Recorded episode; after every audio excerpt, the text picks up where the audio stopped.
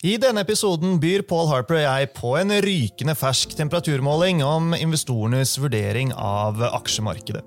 Vi skal også gi en oppdatering på selskapenes rapportering og se nærmere på både Nordic Semiconductor, Movi og Tesla. I tillegg så har vi et par aksjejokere til dere denne uken, og vi skal få høre hva den anslåtte rammen for lønnsavtalen mellom LO og NHO betyr for norsk næringsliv, inflasjon og styringsrente.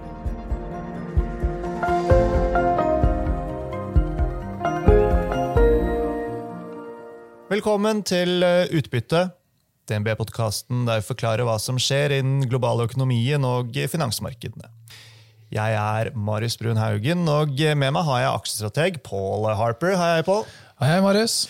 Det er fredag 21. april. Klokken har eh, passert eh, ett når vi sitter her og spiller inn eh, episoden. Og det første spørsmålet i dag får bli om noen av aksjene dine har streiket denne uken, på? Ja, jeg vet ikke om jeg sier mine aksjer, men det var kanskje en streik blant kjøpere av Nordic Semiconductor de siste par dagene. Det er vel kanskje nærmeste vi kommer?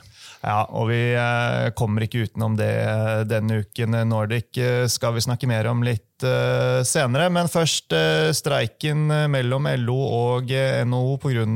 lønnsforhandlingene. Den har jo, som alle vet, man kan ikke ha unngått å få det med seg, preget nyhetsbildet denne uken. Det har truffet de børsnoterte selskapene også, sånn som Veidekke, Orkla og Hydro, for å nevne noen, men for de fleste da med begrensede effekter på inntjeningen av signifikant betydning, og, dermed også aksjekursen.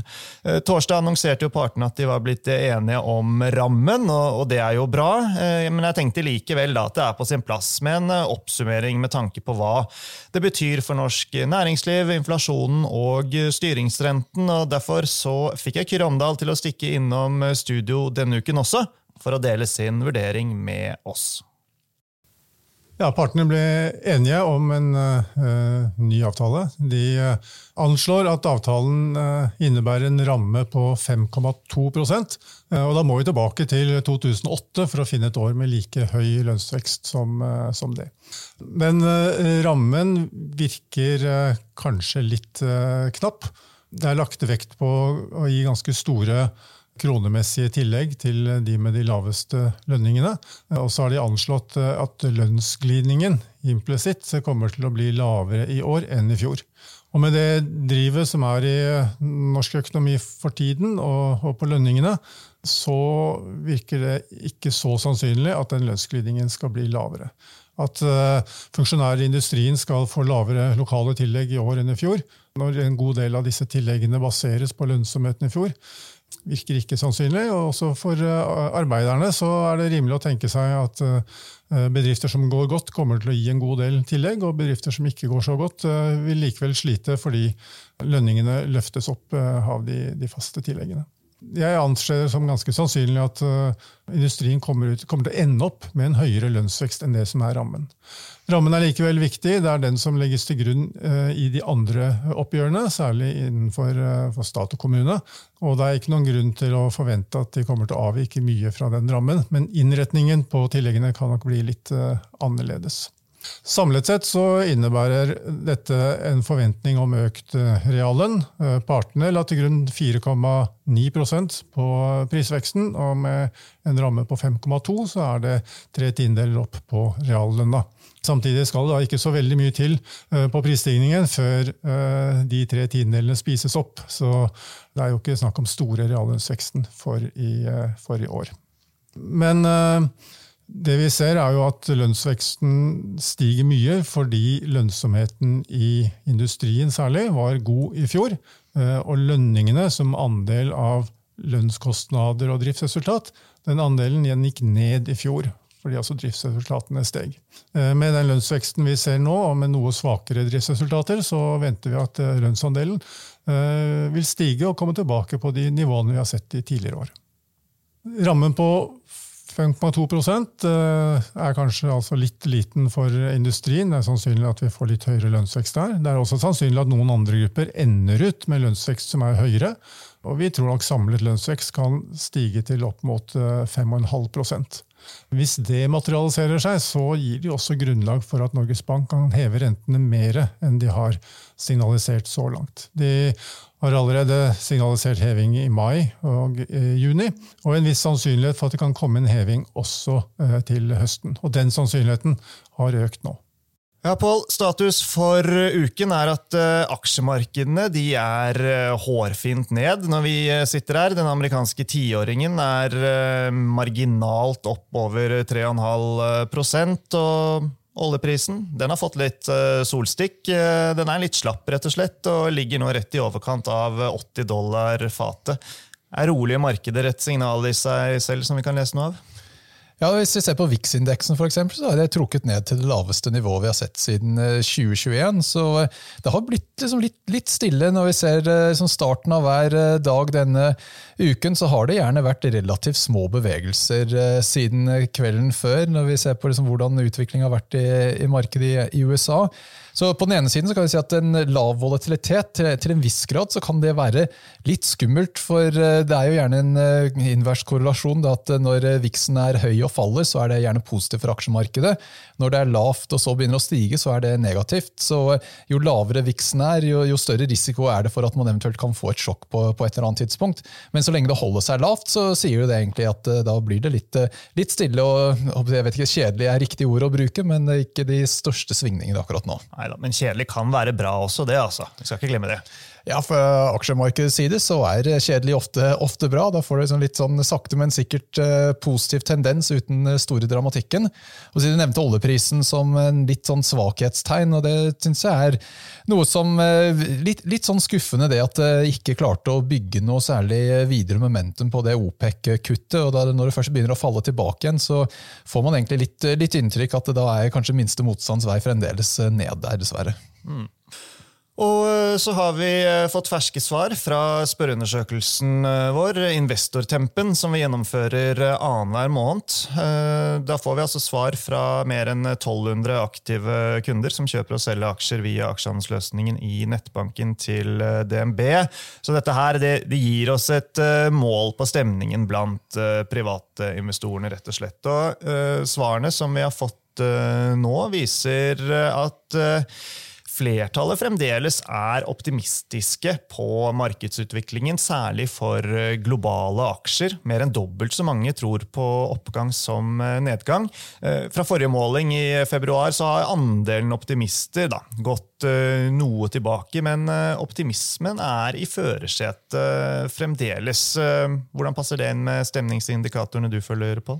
Ja, det kommer selvfølgelig litt an på hvilke man, man, ser på, men sentiment sånn generelt sett har jo vært ganske negativ eh, lenge. Og eh, Av de forskjellige som vi kanskje legger mest vekt på, så vil jeg si at eh, flertallet av de er egentlig fortsatt der hvor sentiment er ganske bearish. Og Det er jo noe som gjør at det er kanskje en viss forklaring på at markedet har holdt seg relativt greit. At når, når mange er forholdsvis bearish, i hvert fall når vi tenker på det, det mer internasjonale investorer, så er det ikke så lett å få negative overraskelser hvis det er det man er posisjonert for eh, allerede. Så eh, Det er liksom kanskje en av de tingene som kanskje er mest positiv eh, for markedet. Nettopp det at det er veldig mange som er ganske forsiktige akkurat nå. Mm. På spørsmål om uh, hva som gir uh, størst grunn til bekymring for uh, avkastningen fremover i aksjemarkedet, så er det fortsatt inflasjonen som får flest stemmer. Vi ser at eh, de spurte er mest entusiastiske for aksjene innen eh, energi, sjømat og eh, shipping. Og det er sjømat og da IT og Telekom som er en sånn samlet samleboks som går mest fram fra februar. Og så er investorene minst entusiastiske for aksjene innen eiendom og uh, retail, eller da forbruksvarer og uh, detaljhandel. Og dette svarer jo bra mot det vi har sett uh, før. Og finans det er den sektoren som flest har blitt mer negativ til siden februar. Men her må vi jo nesten tilskrive det til bankuroen, eller hva? Ja, det er naturlig når det har vært eh, litt uh, stress innenfor banksystemet, at det blir litt, litt, mer forsiktig for den sektoren. Og noe som vi har snakket om uh, en del ganger tidligere, er at bank er en veldig viktig sektor å følge med på, bare som en indikator. For begynner det å, markedet å lukte at det er en resesjon som er på vei, da er bank gjerne en av de sektorene som begynner å gå dårlig først. For da må du begynne å legge inn i estimaten at det blir økt lånetap og etter hvert rentekutt, som da slår negativt inn på, på inntjeningen. På den andre siden, Hvis bank holder seg ganske bra, så sier det egentlig en slags ledende indikator for at det er kanskje mindre risiko for en resesjon. Så det er alltid veldig interessant å følge med på den sektoren. Mm. Men i sum da, så, så, vil jeg si at uh, denne undersøkelsen vår blant privatinvestorene viser ingen sånn radikale endringer fra det bildet som vi har sett uh, tegnet fra tidligere i år. Men det er jo verdt å merke seg at selv om energi fremdeles er den sektoren som blir foretrukket av flest, så er det tilbakegang da, i andelen som er positive til den sektoren. Og det ref det du sa om oljeprisen eh, tidligere, Pål. Eh, ingen grunn til krise, men det er jo litt urovekkende at eh, oljeprisen er litt slapp. Ja, det er det. Og det, er, det vil jeg si kommer litt i den kategorien av tegn til at det er kanskje litt oppbremsing i økonomien. For klarer du ikke å få en oppgang i oljeprisen til tross for lavere produksjon, så, så sier jo det noe om etterspørselssiden. Så jeg vil egentlig være enig i å si at det er ganske positivt til energi på mellomlang sikt. For det har jo vært lite investeringer i økt kapasitet og produksjon nå lenge, så når økonomien da begynner å akselerere igjen, så tror jeg det blir et veldig stramt marked. Men spørsmålet er liksom om, om resesjon er første stasjon før vi begynner å få en akselerasjon. Da kan det godt hende at oljeprisen skal videre ned før det eventuelt bunner ut. Mm. I forhold til uh, oljeprisen så uh, bet jeg meg merke i litt Kina-data denne uken. Blant Bl.a. for raffinerikjøringen i mars. Den var på all time high. Dette her støtter da opp om troen på at gjenåpningen av landet booster den innenlandske oljeetterspørselen. Kinas oljeimport fra Russland, Pål, den var også på all time high i mars. Jeg får alt dette her på mail fra Helge, oljeanalytikeren eh, vår. Og en annen ting som eh, gikk i all time high i Kina, vet du hva det var?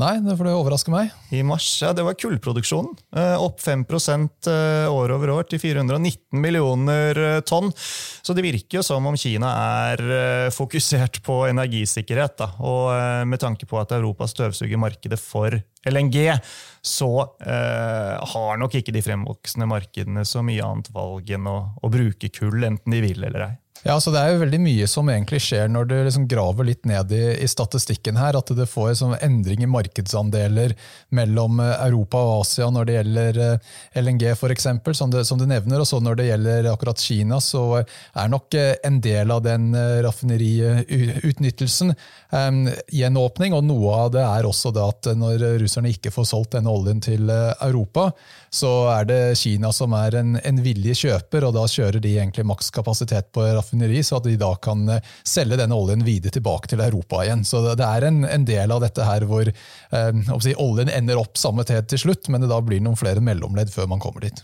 Mm. OPEC-kuttet som vi nevnte i eh, forrige episode forrige uke, Paul, som overrasket eh, også markedet i påsken. Det har ikke trådt i kraft riktig ennå. Det har jo vært en viss uro blant investorene i forhold til hva dette vil bety for tankmarkedet, da, hvor utsiktene egentlig har sett uh, veldig bra ut. Uh, Shippinganalytikerne uh, våre her på huset mener imidlertid at tankaksjer fortsatt gjelder.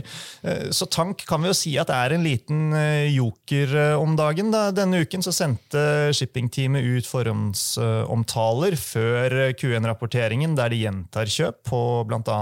Frontline og Hafnia. Og nå skal dere få høre shippinganalytiker Jørgen Lians viktigste grunner til at han mener tankaksjene har mer å gå på. Det som har skjedd eh, siden annonseringen av OPEC-kuttene, og også vi må ikke glemme mm, denne bankkrisen som rammet markedet generelt, eh, begge de tingene har jo dratt ned aksjene noe. Så hvis man ser hvor aksjene er nå, så føler jo vi at de er eh, på et hyggeligere inngangsnivå enn de har vært på en stund. Og når det gjelder OPEC-kuttet, det har ikke begynt enda. Eh, i den forstand, men eh, lastene som skal plukkes opp i mai, når kuttene eh, er i gang, er allerede et av grunnlagene for, for ratesettingen, så det skal man begynne å se. Men jeg tror det man må huske her, eh, er at det som gjør tank spennende, eh, er at ordreboken er utrolig tynn. Etter første halvdel i år så er det omtrent ikke tankskip igjen, eh, i hvert fall i stortank, som kommer til leveranse. Og det er vanskelig å få levert nye skip noen gang i nærmeste fremtid. Så det lange bildet det har verken endret seg etter OPEC-kuttene eller etter all uroen i, i makrobildet for øvrig, mener vi. Eh, og det legger et godt grunnlag da, for en varig oppsykkel. Eh, og når du da ser eh, hva som er priset i aksjen i dag, mener vi, så er det fortsatt god oppside i, aksjekursen, og særlig kanskje inn mot Q1, hvor du kommer til å få en indikasjon på hva inntjeningen vil være i Q2, eh, hvor det etter vår mening ligger altfor lite, eh, ligger altfor lave rater da, eh, og konservative estimater inn i konsensus. Så å ha tankeksponering inn mot rapportering nå tror vi blir bra, så lenge ratebildet holder seg bra, og det gjør det. Og det som er betryggende for folk flest, på tross av et OPEC-kutt som vi regner oss frem til vil ha en impact på eh, etterspørselen med en halvannen til to prosent, eh, så er allerede markedet så, til, altså så stramt da, eh, og tilstrekkelig nok, mener vi, til at det vil holde seg rimelig greit. Og du har fortsatt det utrolig hyggelige bakteppet down the road, om det er et år eller to frem i tid. Så dette er en gryende supersykkel innenfor shipping, og tank er et av de segmentene hvor det ser ut til å være tilfellet. Ja, Pål, det er alltid farlig å si at uh, denne gangen er det annerledes. Uh, eller i hvert fall uh, legge til en liten dose sunn skepsis. Da. Det tror jeg er lurt når man hører ord som supersykkel osv. Men, men Jørgen har jo noen gode poenger. Ja da, det er si, en uvanlig situasjon uh, innenfor uh, shipping med det at det ikke er en bølge med masse nybestillinger som sørger for at det da går fra boom til bust. og det er jo, kan jeg si at Selv om det som de sier, er skummelt å si at this time it's different, så, så, er det enkelte ting som åpenbart er annerledes denne gangen. Um, det behøver ikke å bety at det er annerledes i evig tid, men akkurat i, i denne syklusen her, så tror jeg det er grunn for å mene at det ikke nødvendigvis følger det samme mønsteret som det har gjort tidligere. Mm.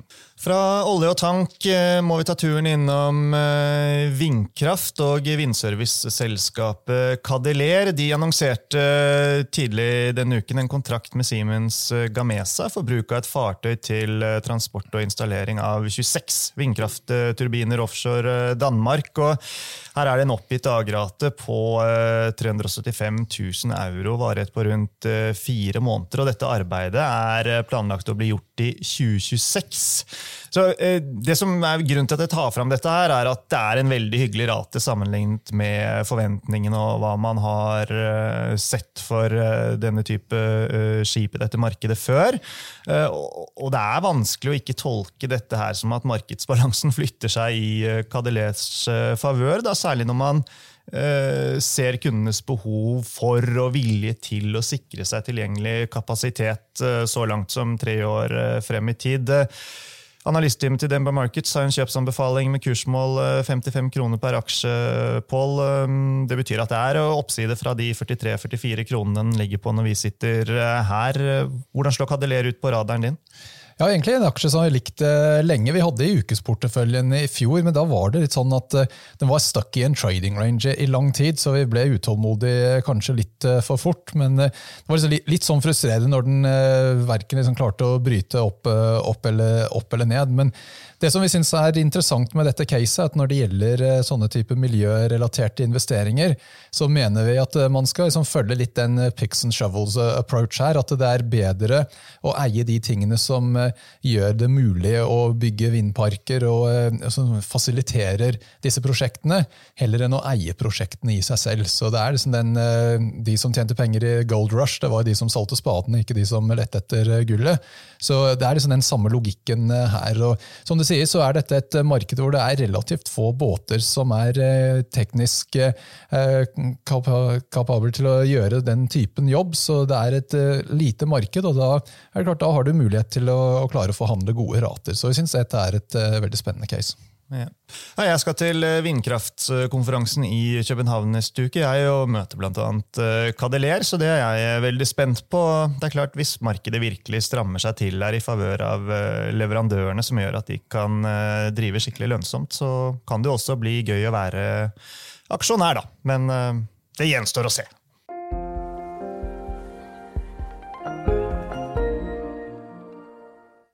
Vi skal uh, se litt nærmere på bl.a. Eh, Movi og uh, Nordic Semiconductor og Tesla i dag, som alle er aktuelle denne uken i forbindelse med rapporteringssesongen. Men uh, først, Pål. Her hjemme i Norden så starter jo rapporteringene for alvor neste uke.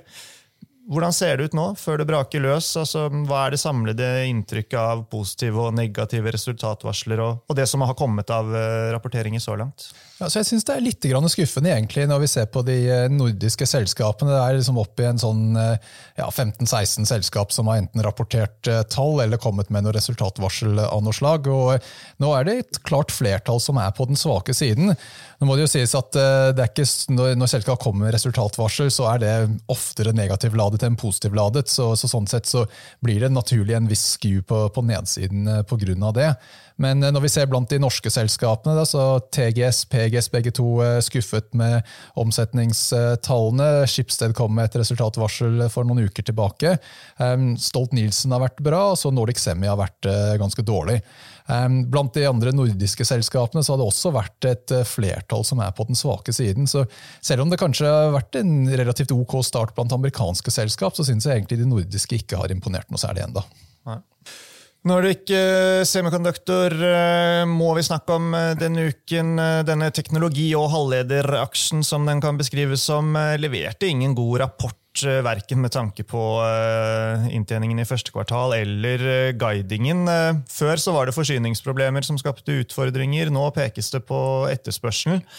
Analytikeren vår her i Markets han gjentar kjøpsanbefalingen, men har kuttet kursmålet da, til 170 Eh, kroner. Eh, aksjen handles for 115 kroner når vi sitter her, Pål. Den falt 3 eh, onsdag før rapporten. Den falt 17% på rapporteringsdagen torsdag. Og er ned 5% når vi sitter her fredag. Så får vi se hvordan det ender, da. Men likevel, jeg syns jo det er vanskelig å lese noe bra ut av dette her. Altså, hva tenker du? Det er, det er krevende å se på dette her som en soleklar kjøpsmulighet, syns nå jeg, da. Ja, jeg må si jeg er egentlig enig i det. og Hvis vi skal prøve å tenke liksom, hvem er det som er aktuelle å kjøpe denne aksjen, så er ikke det egentlig så lett å komme frem til. for Ser du på de største aksjonærene her, så finner du egentlig veldig mange av de mest kjente norske long-only forvaltersystemene. Så, så, de har jo mye aksjer fra før av. Så jeg ser for meg det er egentlig kanskje en større risiko at en eller to av de velger å, å kaste inn håndkle, og at det da blir mer salgspress i denne aksjen utover. Så etter de litt skuffende Q4-tallene så var det egentlig veldig få av de som solgte. Og da så vi tilsvarende stort fall på rapporteringsdagen. Men hvis du kjøpte Nordic eh, på åpning eh, dagen etter, så fikk du eh, fra trough to peak da, en 25% cirka avkastning de neste, neste, ukene. Så da var det som ikke den ordentlige kapitulasjonen i aksjen, tror jeg. Så risikoen denne gangen er at hvis det er nå enkelte som føler at ja, to, to, ganger på rad det er litt for mye, og velger å, å, å kaste kortene nå, så, så, kan kanskje den perioden og ettertallene også bli en del tyngre, i motsetning til det som skjedde etter Q4-tallene. Ja, nei. Er det noe annet som kan bikke i positiv retning? Da? Altså, har det vært uh, mange shortere i aksjen? Kan det være en del av de som tar gevinst, som gjør at noe av presset blir borte? Ja, så Det er jo eh, selvfølgelig en, en, mulighet. og eh, Vi har ikke sånn full uh, details på hvor mye aksjer, aksjer er shortet på dette, men jeg tror ikke det er veldig usannsynlig at det er en god del short interest i, i akkurat dette caset. Så Sånn sett så blir det som et sånn type bull-argument litt mer i den retningen. Men det er jo ofte sånn at et sånn gammelt ordtak at både positive og negative ting kommer i, i treere. Nå har vi hatt eh, to, to, resultatvarsler, så eh, jeg vet ikke hvor confident jeg er på at uh, du kan være helt sikker på at dette er den siste. Så hadde jeg vært short i denne aksjen, så hadde jeg sikkert tatt litt gevinst nå. Men jeg er ikke sikker på at jeg hadde tatt, tatt hele den gevinsten. Så det, det, er noe som kanskje kan hjelpe, men det er noe som i så fall ville antageligvis skje i løpet av de neste par dagene. Um, så, så, hvis aksjen er slapp nå uh, i dag og første halvdel av neste uke, så, så ville det kanskje tyde på at, de, at det ikke er så mye short-inndekning, eller at de har gjort det de skal allerede. Mm. Over til en uh, aksje som uh, leverte, nemlig uh, Movi. Der har vi en kjøpsanbefaling og kursmål 220 kroner. aksjen den er krabbet over 200 kroner denne uken. og Det kommer jo etter at de kom med denne tradingoppdateringen sin, som de gjør i forkant av hver kvartalsrapportering. Den var bedre enn ventet på nær sagt alle parametere, vel, hvis man ser på den norske delen av driften. og i sum så så var det en sterk oppdatering. Så Legger vi til da at lakseprisen fortsatt er rundt 120 kroner kiloen, så er jo ikke dette dårlig i det hele tatt. eller hva, Paul? Men noen kan kanskje bli fristet til å ta gevinst her etter hvert? Ja, det er jo det at uh, sjømat har sånn historisk vært en uh, veldig sånn sesongpreget uh, sektor, da, hvor det ofte er et ganske bra tidspunkt å eie aksjen fra som en eller annen gang ut på høsten, frem til sånn type april-mai. Og, og, det er klart, nå, nå, begynner vi å nærme det punktet hvor det ofte er riktig tid å ta gevinst, så det er kanskje en, en viss trussel her er at det er sikkert en del som eh, da kanskje sitter på gevinster, i hvert fall hvis de kjøpte like etter den grunnrenteskattenyheten kom eh, opprinnelig. Så, så, det er noe som trekker litt på den negative siden. Men på den andre siden, i hvert fall hvis eh, rapporteringssesongen fortsetter sånn som det har startet, så er da sjømat en av de få sektorene hvor det faktisk er oppjustering i estimatene fremover. Og jeg syns ikke prisingen er noe sånn veldig, eh, veldig, skummelt heller, nettopp fordi at kursene kursen har falt såpass mye i den grunnrenteskattnyhetene. Eh, så, så, sånn sett så syns jeg egentlig sjømat fundamentalt i hvert fall virker egentlig ganske, ganske interessant. Så er det litt den timing da, om det er litt sånn sell it may and go away som gjelder for, for den sektoren, eller om man skal egentlig bare sitte igjennom. For det er ikke sånn at det slår til hvert år. Flere av eh, de store amerikanske selskapene har også levert tall eh, denne uken. Eh, både investeringsbanken Goldman Sachs, Netflix og Tesla, for å nevne noen. Og det er Tesla vi skal vie litt ekstra oppmerksomhet i dag. Det er den mest handlede internasjonale aksjen blant privatkundene våre, så du kan si at det skulle også bare mangle. Forvalter eh, Audun Vikstrand Iversen han er investert i Tesla gjennom fondet DNB Disruptive Muligheter. Og nå skal vi få høre hans vurdering av eh, Tesla-rapporten som kom onsdag eh, kveld denne uken, og hans vurderinger rundt selskapets forretningsmodell. Ja, det er helt riktig. På onsdag kveld etter close i USA så hadde Tesla sin conference call hvor de presenterte sine tall, og der var Elon Musk uh, med på callen hele veien. Og veld, veldig mye interessant. Selve tallene i seg selv så uh, var det marginer som var litt dårligere enn markedet forventet. I etterkant så ser vi nå at analytikerne tar ned litt marginbanen for dette året. og vi tar også ned estimatene for neste kvartal, altså andre kvartal, og det skyldes disse priskuttene som vi har sett Tesla gjøre nå flere ganger de siste seks månedene. Så, så, det er en sånn, Nå er vi i en sånn periode hvor det er mye usikkerhet. fordi I tillegg så er jo markedet veldig opptatt av ikke bare marginene, men de har også uh, kommet i en periode nå hvor man lurer litt på om uh, det rett og slett er etterspørsel etter alle disse elektriske bilene som kommer.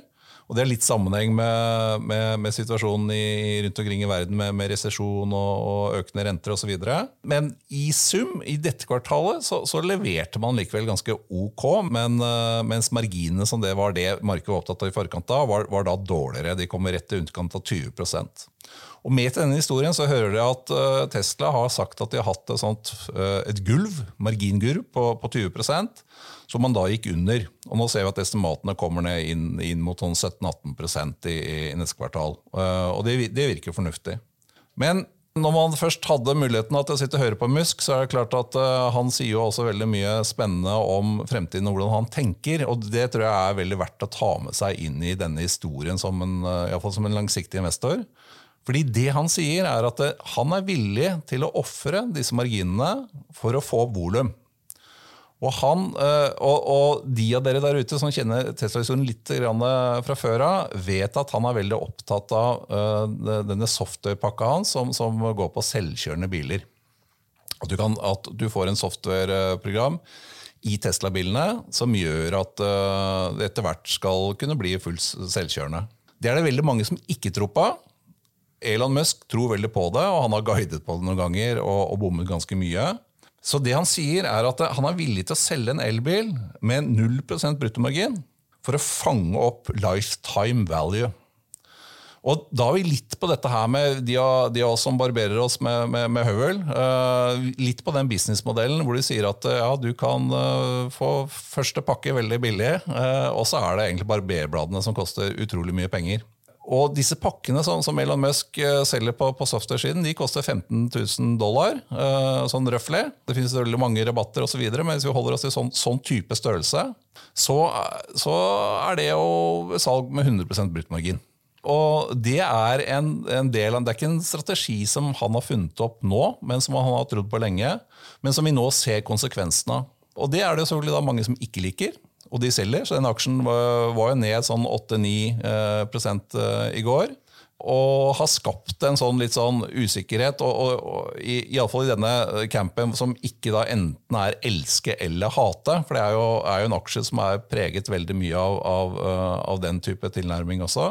Og det ser vi også i spriket på, på, price targets. Nå handler jo denne aksjen sånn rett i overkant av 160. De som da er mest bear, de, de er jo godt under både 80 og ned mot 50.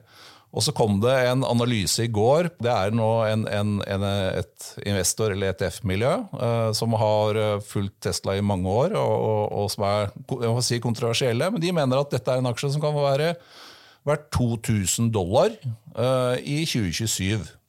Og veldig mye av den verdistigningen som de ser for seg da, det er nettopp at de lykkes med denne softwarepakka. Så de tar den strategien til Musk og sier at hvis han lykkes med det, så har man da snudd hele bilen sin på hodet. hvor faktisk det er sånn å, å gi, ikke gi bort bilen, men kunne selge bilen ganske kraftig subsidiert, og så leve av softwaren etterpå. Så vi, vi får en sånn subscription-based software-løsning som, som, vi kjenner til fra mange andre industrier uh, de siste 10-15 årene i summa summarum, så for, min, for mitt fond, så, så, solgte jeg litt i forkant. Og, og, kommer nok til å være litt gjerrig på å, øke den posisjonen i det korte bildet. Men, men, dette er en fantastisk historie på lang sikt, hvis du deler Tesla sitt, sitt syn på, på, på selvkjørende biler.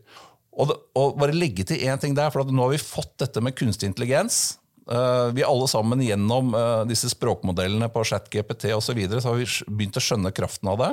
Det som Tesla har gjort de siste 18 månedene, er at de har eh, gitt bort og, og solgt en ganske billig denne, denne softwarepakka. Så det er fortsatt på en sånn pilot oppe i versjon 11 et eller annet. Og, og de samler De får veldig mye data. Uh, så nå er de oppe i De passerte nå 150 millioner miles, altså 200 millioner kilometer. Og og det vi vet fra alle disse andre diskusjonene nå, som, som vi har en bred opplæring i, voksenopplæring i kunstig intelligens, så vet vi at maskinlæring er basert på data.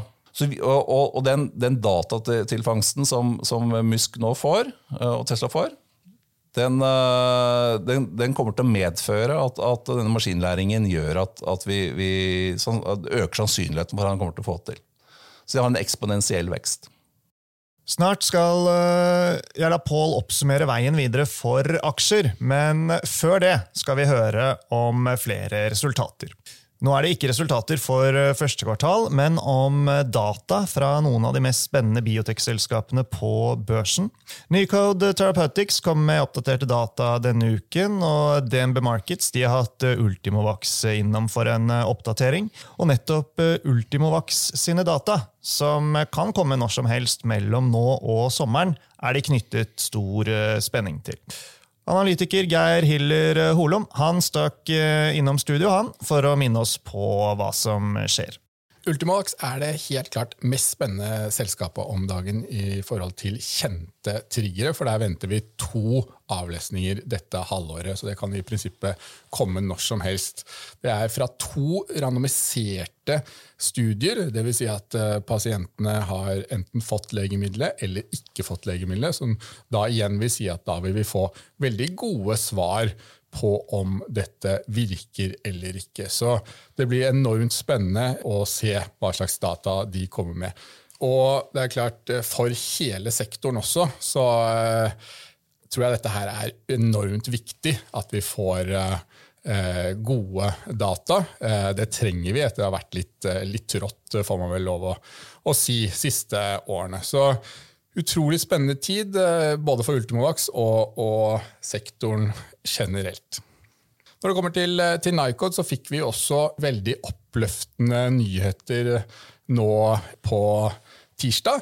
Eh, hvor vi fikk da data som også var ventet dette halvåret, på deres livmorhalsstudie. En fase to-studie som ikke hadde det randomiserte studiedesignet, men som hadde et sånt design hvor alle de 52 pasientene fikk legemiddelet. Og det er klart, eh, de dataene vi fikk, eh, var, sånn som vi vurderer det, veldig gode. Spesielt på det målet som er det viktigste for kreftpasientene. Hvor lenge lever man? Det som kalles overall survival, eller OS-tallet, som var veldig veldig sterkt. Og spesielt sterkt på den pasientgruppen som ligner mest på den gruppen som de nå har allerede eh, valgt ut å gå videre med i en neste studie, som de skal starte i fjerde kvartal i år. Så kjempegode nyheter fra, fra det selskapet. En litt mindre studie, eh, men likevel veldig oppløftende eh, og veldig moro. Så den, den trengte vi.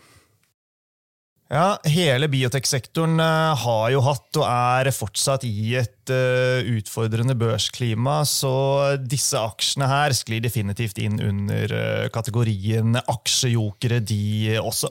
Nøkkelen for uh, selskapene det er gode data på de medisinene de forsøker å utvikle, og når det gjelder Ultimovax-dataene, som Geir nevnte, så er de knyttet til hudkreftstudiet deres innen malignt melanom, som er en av de skumle skumleste hudkrefttypene. Det andre studiet er mot uh, mesteliom, som er lungehinnekreft.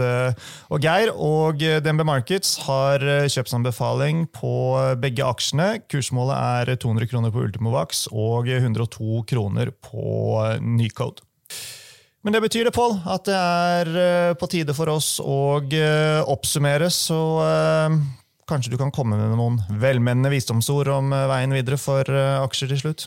Ja, så Vi er jo fortsatt på den litt eh, forsiktige foten når det gjelder eh, aksjemarkedet. og Det går jo egentlig ut på en blanding av at vi tror estimatene skal fortsette å trekke ned. Det er egentlig Litt uavhengig av om det blir resesjon eller ikke. Det er egentlig bare spørsmål om hvor mye de skal ned, etter eh, vårt syn. og Det, det går jo ut på at vi har fortsatt marginer som er på unormalt høyt nivå. så Det, det er egentlig bare en slags mean reversion det er snakk om til å trekke estimatene ned, selv om det går relativt greit i økonomien. Men da blir det snakk om kanskje 2-3 ned ned hvert kvartal eh, fremover. og Det er ikke nok til å kanskje egentlig skape noen store negative reaksjoner. så Det er mer sånn at det er litt, eh, litt slapt en periode. Og så får vi se når det eventuelt blir resesjon etter hvert. For jeg tror Blir det en myk landing, så er det som snakk om å utsette resesjonen, heller enn at du da kan eh, starte en lengre oppgangssyklus. Noe av grunnen til det er at, altså at det blir en, en myk landing, da, så går arbeidsledighet kanskje opp en halv prosentpoeng eller noe tilsvarende. Men da liksom begynner du en ny syklus med nesten full employment allerede, så da tar det ikke mange måneder før du begynner å få lønnspress igjen og en ny runde med frykt rundt uh, inflasjon osv. Så, videre. så jeg tror det er egentlig mer snakk om uh, timing heller enn uh, om det, det blir resesjon eller ikke. Så det er jo egentlig ikke en sånn veldig positiv kombinasjon for, for aksjer. at Da har du en situasjon hvor det ja, kan godt hende det trekker sidelengs eller litt oppover en stund til, men jeg klarer ikke å bli noe særlig mer optimistisk enn en akkurat det. For prising kanskje ser ok ut hvis du ikke legger så mye vekt på at rentene har beveget seg oppover. Tar du det inn i regnestykket, så er det ikke så billig lenger.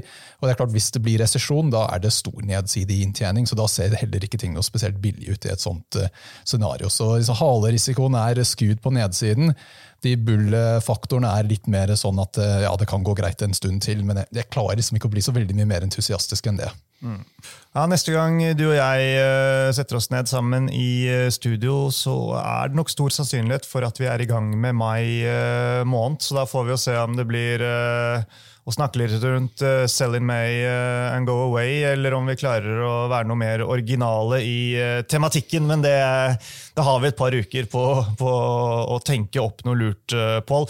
Det betyr at vi er kommet til veis ende for i dag. Så tusen takk for at du var med, Pål. Og ikke minst takk til både Kyrre, Jørgen, Geir og Audun, som alle bidro inn til episoden denne gangen. Og så får vi bare minne om til slutt at liker du podkasten, så vil vi gjerne at du legger igjen en kommentar eller gir oss en hyggelig rating. Og dersom du ønsker, eller har ønsker om gjester som vi skal eh, invitere, temaer vi skal ta opp eller aksjer vi skal kommentere, så kan du sende oss en mail på utbyttepodden at dnb.no.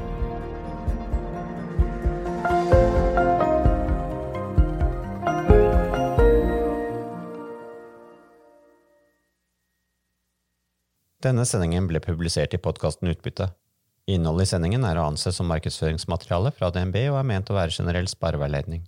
Sendingen skal ikke oppfattes som et tilbud om å kjøpe eller selge finansielle instrumenter, eller som investeringsrådgivning tilpasset den enkelte investors situasjon.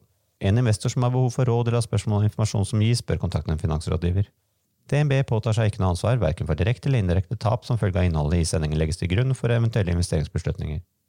Husk at historisk avkastning aldri er noe garanti for fremtidig avkastning. Avkastningen kan bli negativ som følge av kurstap. Bruk av prognoser for å beregne fremtidig avkastning er heller ingen garanti for fremtidig avkastning.